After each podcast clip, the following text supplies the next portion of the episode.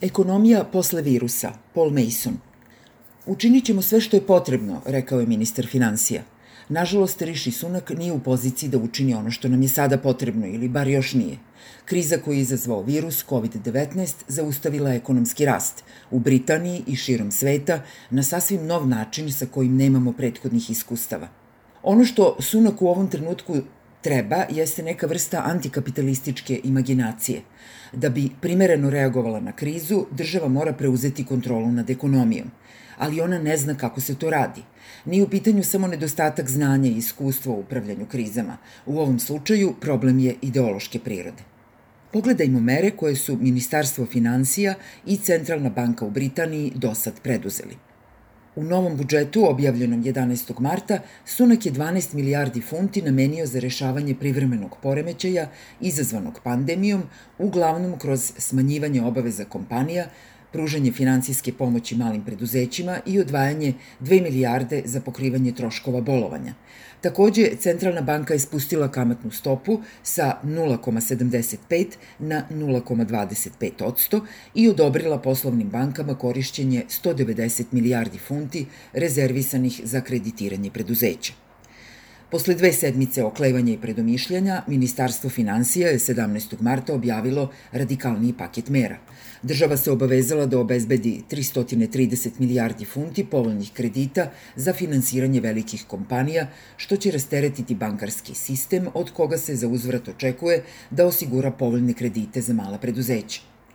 Nije bilo reči o uvećanju sredstava za pokrivanje troškova bolovanja, mogućim rešenjima za ljude koji neće moći da plate stanarinu ili značajnjoj pomoći za desetine hiljada radnika u pubovima, restoranima i industriji zabave koji su ostali bez posla. Sunak je samo natuknuo mogućnost obuhvatnijih fiskalnih mera koje treba da spreče masovne otkaze i dodao da ne želi da izmišlja ništa novo, jer moramo koristiti postojeće mehanizme i delovati odmah.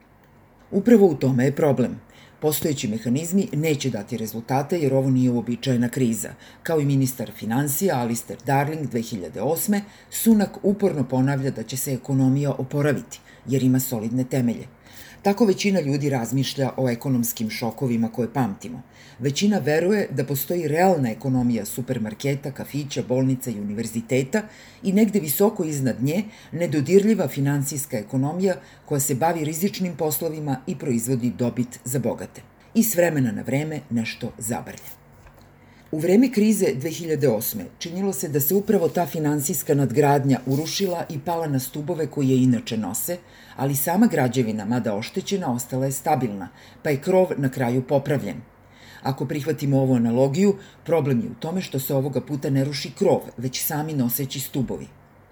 Kapitalizam, kao i svi prethodni ekonomski sistemi, izgrađen je ljudskim radom. Prinuđeni smo da ujutru ustanemo iz kreveta, guramo se u javnom prevozu, slušamo naređenja direktora i pridržavamo se discipline radnog vremena. Kada se radni dan završi, okupljamo se u pubovima, igramo mali futbal ili izlazimo na večeru i tako nastavljamo da generišemo dobit za kapital koji je neko drugi investirao.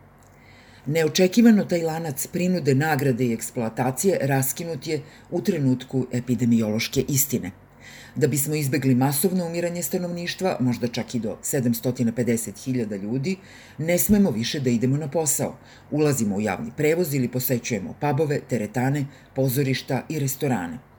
Epidemiji će doći kraj, ali nastale posledice će biti trajne, zato što današnji finansijski sistem nije samo nadgradnja – U poslednjih 40 godina on je postao noseća struktura kapitalizma. U razvijenom društvu poput našeg svaki aspekt ljudskog života je financijalizovan, to jest članarine koje naplaćuje moja teretana, promet u mom lokalnom pubu, prihod Starbucksa, karte za autobus i metro koje plaćam, sve je upakovano u finansijske instrumente u koje investira komplikovana mreža banaka investicionih fondova i osiguravajućih društava da bi generisala profit.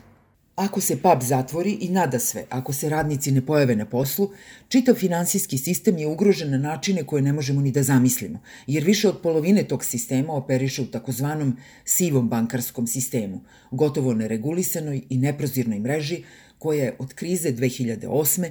nagomilala 52 triliona dolara finansijskih sredstava – ali takozvana sredstva su zapravo samo projektovana i očekivana dobit koju bi trebalo da proizvedu lanci restorana, osiguravajuće društva, aviokompanije i tako dalje, sve ono što bi uskoro moglo propasti.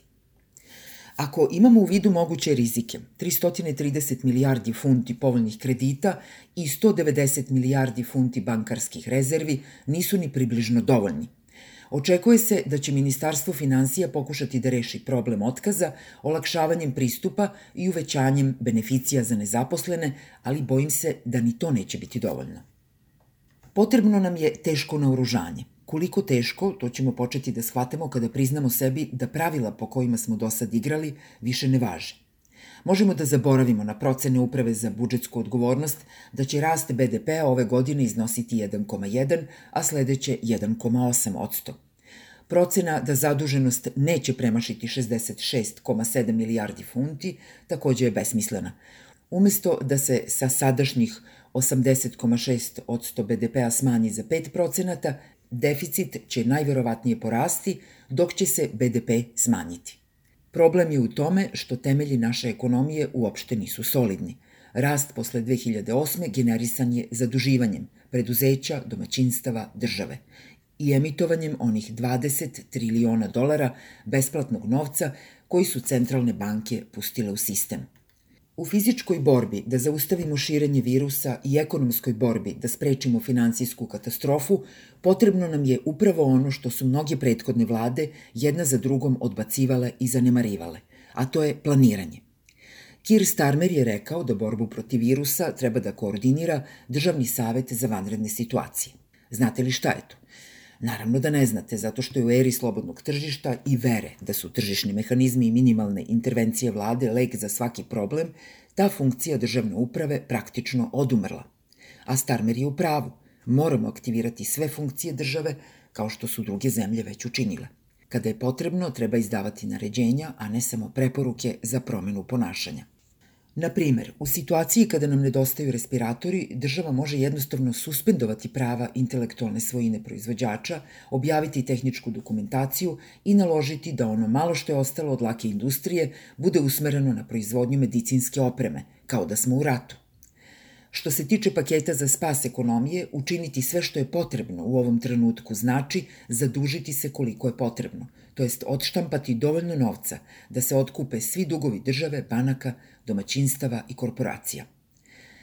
Tako bi državni dug premašio 100 od 100 BDP-a, a njegova monetizacija od strane centralne banke, kao što tradicionalno biva, proizvela bi rizik napada na funtu i odliva kapitala.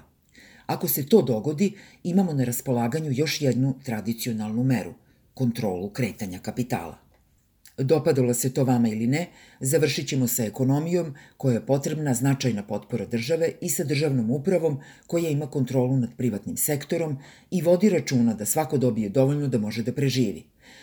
Što pre prihvatimo tu činjenicu i što pre generacija političara odgajanih na doktrinama neoliberalizma nauči kako da odgovori novom izazovu, to bolje za sve nas. Socijalna cena iskušenja kroz koja ćemo morati da prođemo kretaće se u dva pravca – Preduzete mere moraju biti univerzalne i moraju redistribuirati moć i bogatstvo od ozgo naniže, umesto od ozdo naviše. Kada bude spremna, vakcina za COVID-19 mora se staviti u javni domen na principima otvorenog pristupa i mora se proizvoditi generički.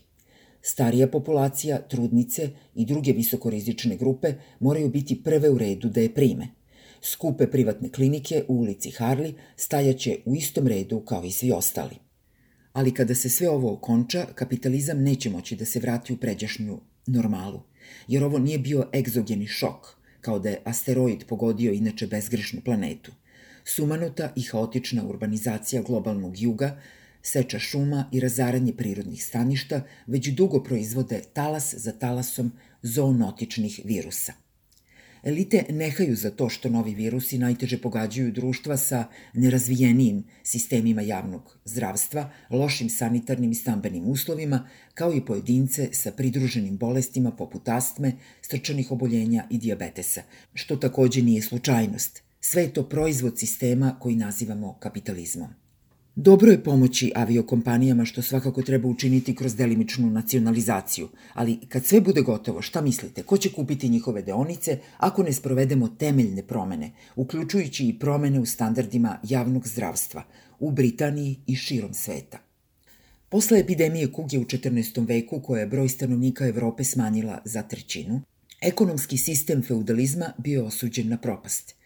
Pišući o bunama koje su usledile, Samuel Klein Kohn žudnja za slobodom, opisuje izlazak iz stanja potpunog beznađa i straha i rađanje nove samosvesti kod seljaka, zanatlija i radnika, uverenih da i oni mogu menjati svet i preoblikovati društvene i političke uslove sobstvenog života. Danas nismo suočeni sa fizičkom katastrofom kakva se odigrala 40. godina 14. veka, ali katastrofu bi mogla proizvesti naša komplikovana i financijalizovana ekonomija – Potreba nam je nov ekonomski sistem koji će kao najviše prioritete postaviti javno zdravlje i blagostanje ljudi i uravnotežiti naš odnos sa planetom.